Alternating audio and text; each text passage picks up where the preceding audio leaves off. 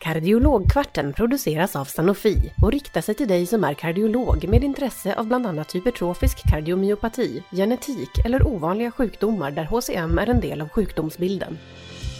Hej och välkomna till Kardiologkvarten. Det här är ju en podd där vi sätter hypertrof kardiomyopati eller HCM eh, i fokus. Jag heter Petra Bergström och jag arbetar på läkemedelsföretaget Sanofi. Idag gästas vi här i podden av Pia Dahlberg och Jonas Silverdal. Ni är ju båda två kardiologer på Salgrenska men du Pia jobbar ju också på ett kardiogenetiskt centrum eh, på Salgrenska som ju har ett regionupptag. Ni har ju båda två lång erfarenhet av hypertrof kardiomyopati men utifrån lite olika perspektiv. Hej och välkommen eh, Jonas! Välkommen tillbaka får jag säga till dig. Ja, tack så mycket.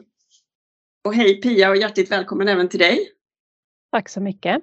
Eh, hypertrof kardiomyopati, det kan ju potentiellt sett vara ärftligt. Skulle du kunna berätta lite mer om det, Jonas?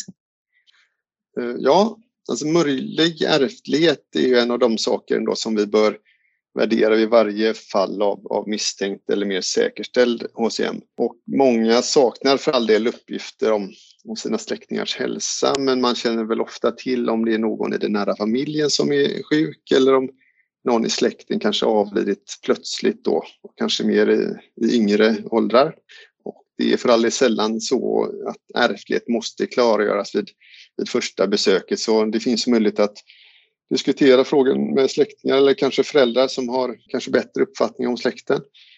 Vi försöker inhämta uppgifter ändå om, om första grads släktingar, alltså föräldrar, syskon och barn och lite beroende på patientens ålder då även far eller morföräldrar och, eh, och barnbarn.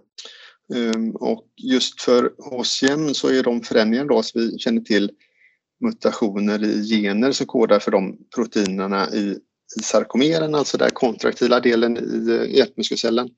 Och nedärvningen av dem är vanligen eh, autosomalt dominant, vilket innebär att det är en 50-procentig risk för att barnet ska eh, ärva anlaget. Det är för så att det, det, är en klart varierande penetrans, det vill säga att varierande grad av uttryck av, av sjukdomen hos eh, individer i eh, en och samma familj med samma mutation. Pia, kan du förklara lite mer hur det ser ut med rekommendationer kring genetisk utredning idag? Ja, rekommendationerna kring genetisk utredning vid HCM, de är ganska kortfattade kan man säga. Det är, genetisk utredning rekommenderas vid säkerställd HCM. Det finns europeiska rekommendationer från 2014 som många känner till, ESC guidelines för hypertrof kardiomyopati. Och det finns också amerikanska guidelines från 2020. Sen kom det lite guidelines från 2022 från ESC också som, som eh, berättar om det här. Det som guidelines då inte tar upp det är ju när man hittar en patient som har eh, hypertroft hjärta men kanske har andra potentiella förklaringar till det som hypertoni till exempel. Så att det som rekommendationerna gäller det är ju liksom säkerställd HCM. Men för patienter med säkerställd HCM så rekommenderas genetisk utredning hos ja, probanden då, den första sjuka som man upptäcker i en familj. Och har man en sån patient så kan man remittera den till oss på kardiogenetisk mottagning. Är det några uppenbara skillnader mellan guidelines från 2014 jämfört med senare rekommendationer?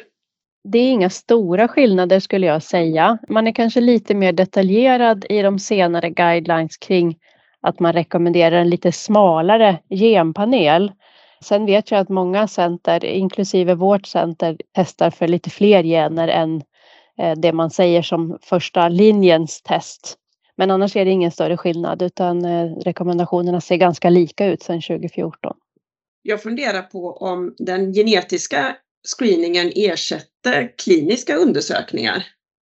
Ja, eh, alltså amerikanska riktlinjer från 2020 i alla fall, de, de rekommenderar både klinisk och genetisk eh, screening av första gradsläktingar då när man funnit en patogen eller troligen patogen variant hos, hos indexpatienten, alltså den eh, först undersökta. Och eh, ja, av praktiska skäl så brukar jag avvakta eh, utbredd klinisk undersökning av släktingar om det är så att man ändå har funnit en patogenvariant och släktingarna själva vill testas för den.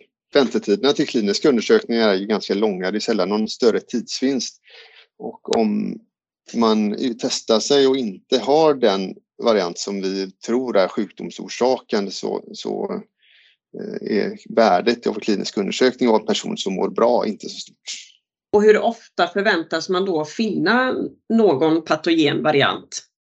Ja, det finns ju lite olika siffror på det. Om man tittar i lite äldre studier när man kollade på grupper med liksom eh, yngre patienter med hypertrofi så trodde man nog att det var en ganska hög siffra där. Och i senare guidelines så pratar man om siffror runt 30 procent kanske vid sporadiska fall och kanske 60 procent i familjer med känd ärftlighet. Vår region, vi ligger någonstans strax under 30 procent som vi hittar en patogen variant. Och det här har jag tittat efter i, i våra siffror. Ska man titta mer detaljerat och se liksom hur, hur, hur svårt det är att hitta någon hos äldre eller yngre eller så, då får man ju göra lite mer noggranna jämförelser. Men någonstans runt 30 procent ligger vi, inte över det i alla fall.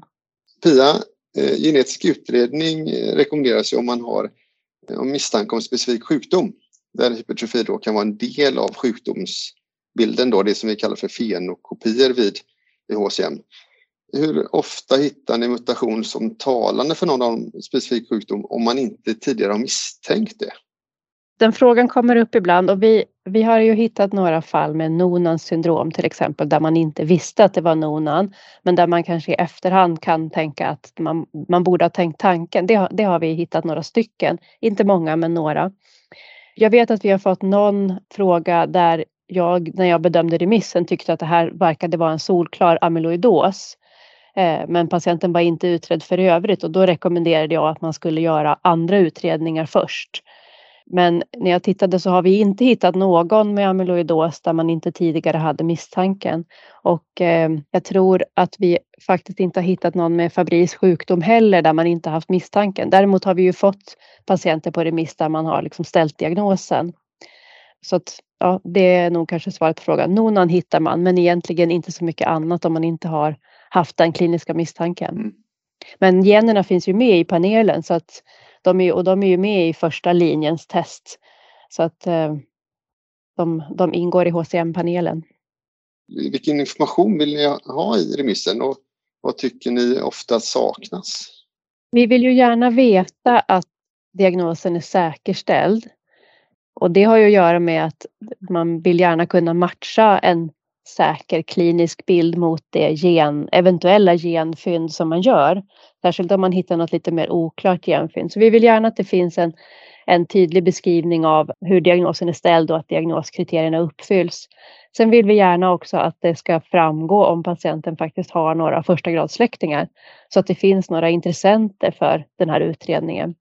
Det behöver inte vara personnummer från början men att det står om patienten har barn eller syskon eller så så att så att det är liksom någon, någon mening att, att dra igång en familjeutredning.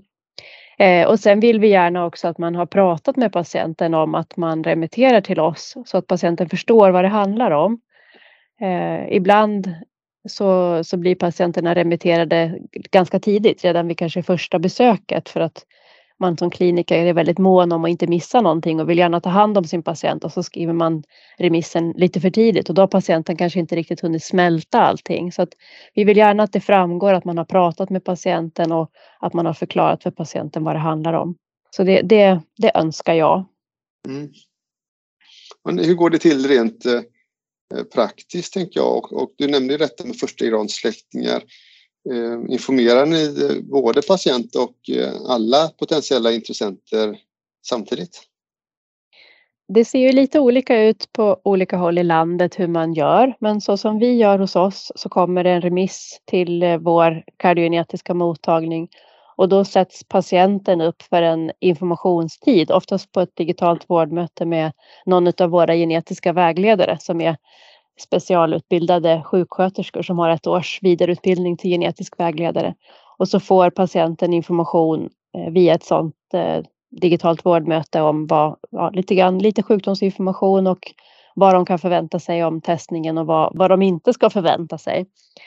I, om man inte hittar någon variant sen när patienten har gjort själva testningen och svaret har kommit, då brukar vi lämna tillbaks det så att säga till den som har remitterat patienten från början. Eh, däremot då om man hittar en genetisk variant så bjuder vi in familjen och då brukar vi eh, skicka ett, eh, ett familjebrev som vi skickar hem till patienten och så får de distribuera det till sina släktingar och så är de välkomna till oss och få egen information. Och då kan vi informera dem tillsammans om de vill och vill de ha enskild information så kan de få det. Trots de här rekommendationerna som ni nämnde tidigare som finns, eh, är det då ändå svårigheter gällande bedömning inför en utredning? Ja, jag tycker att i vardagen så är många fall inte helt solklara. Eh, mycket beroende på att det finns eh, samtidiga faktorer då som kan orsaka en förtjockad hjärtmuskelvägg. Högt blodtryck är vanligt i befolkningen och det är klart att även patienter med HCM kan ju drabbas av högt blodtryck och även viss grad av aortastenosering. Men där får vi då försöka använda erfarenheten och värdera sannolikheten för att en, en lindrig hypertoni eller lindrig aortastenos med rimlighet kan förklara den bilden. Eh, och har man dessutom anhöriga som också är sjuka eh, eller till exempel gått bort tidigt så kanske det talar för att det föreligger en samtidig kardiomyopati som ändå motiverar utredning även om det finns samtliga förklaringar. Ibland vållar ju också patienter med eh, apikal hypertrofi definitionsmässiga svårigheter. När man eh, uppvisar en typisk bild vid EKG och ultraljud men kanske inte fullt eh, ut uppfyller dagens kriterier gällande väggtjocklek. Eftersom apikal eh, väggtjocklek oftast inte är lika tjock som uppemot septum som är det stället där man vanligen blir, blir tjock. Och där diskuterar vi ibland lämpligheten för utredning. Finns det några vanliga missförstånd kring genetisk testning? Ja, jag skulle säga kanske framförallt om vi får eh, egenremisser men även, även en del andra remisser så kan vi ibland få frågeställningen Finns genen för hypertrof kardiomyopati? Och att man då som kanske patient eller eh, person tänker att det är liksom ett test, att det finns, det finns ett ja eller ett nej. Och man får, liksom ha, man får komma ihåg att vi testar en, en ganska bred panel av gener som samtliga kan ha ja, associeras till hypertrof kardiomyopati. Eh, men också kan, så kan det också vara så att det, det kan vara en ärftlig sjukdom även om man inte hittar någon variant. Så att det är inte ett sjukdomstest på det sättet. Och det som du också pratade om i början här Jonas, att man kan ha varierande penetrans. Att även om man hittar någonting så är det inte säkert att man blir sjuk. Eh, och det, det, är väl en, en sån sak som jag skulle säga att det, det, vanligaste är kanske det här frågeställningen, finns genen för hypertrof kardiomyopati? Eh, alternativt frågan, tacksam genetisk utredning för att utesluta ärftlig sjukdom? Det går inte heller att, att, att, svara på det sättet och det kan man också läsa sig till i guidelines att hittar man inte någon genetisk variant hos den ja, indexpersonen eller probanden så rekommenderas ju kliniska kontroller av släktingarna ändå. Det är nog det vanligaste missförståndet skulle jag säga. Vad kostar det då att göra en utredning? För patienten så kostar det inte särskilt mycket. Om patienten kommer på ett besök till oss så betalar man ju som eh, ett specialistläkarbesök och då kostar det 300 kronor. Men när patienten eh, får ett digitalt vårdmöte så kostar det som ett sköterskebesök. Eh, själva testningen kostar ungefär 15 000. Den första screeningen och eh, om man sen ska utreda släktingar så är det billigare för då tittar man ju på just den variant man har hittat och då ligger det kanske någonstans runt ja, mellan 5 och 10 000. Men någonstans runt 15 kostar själva genprovet. Då. Och just med tanke på kostnaden, är det en kostnad ni tar hänsyn till när ni rekommenderar klinisk screening? Kliniska undersökningar är ju inte heller gratis eh, så att jag skulle väl inte säga att man eh, att man tar hänsyn till det på det sättet att man väljer klinisk undersökning för att man tycker att den är billigare. Däremot kan det väl vara så att om patienten inte har några anhöriga till exempel så kan, man, så kan vi kanske tycka att det är onödigt. Det är inte riktigt så vi ska använda 15 000 kronor eh, om inte det ska leda till någonting. Det ska ju vara någonting som vi tycker ändå förändrar handläggningen på något sätt.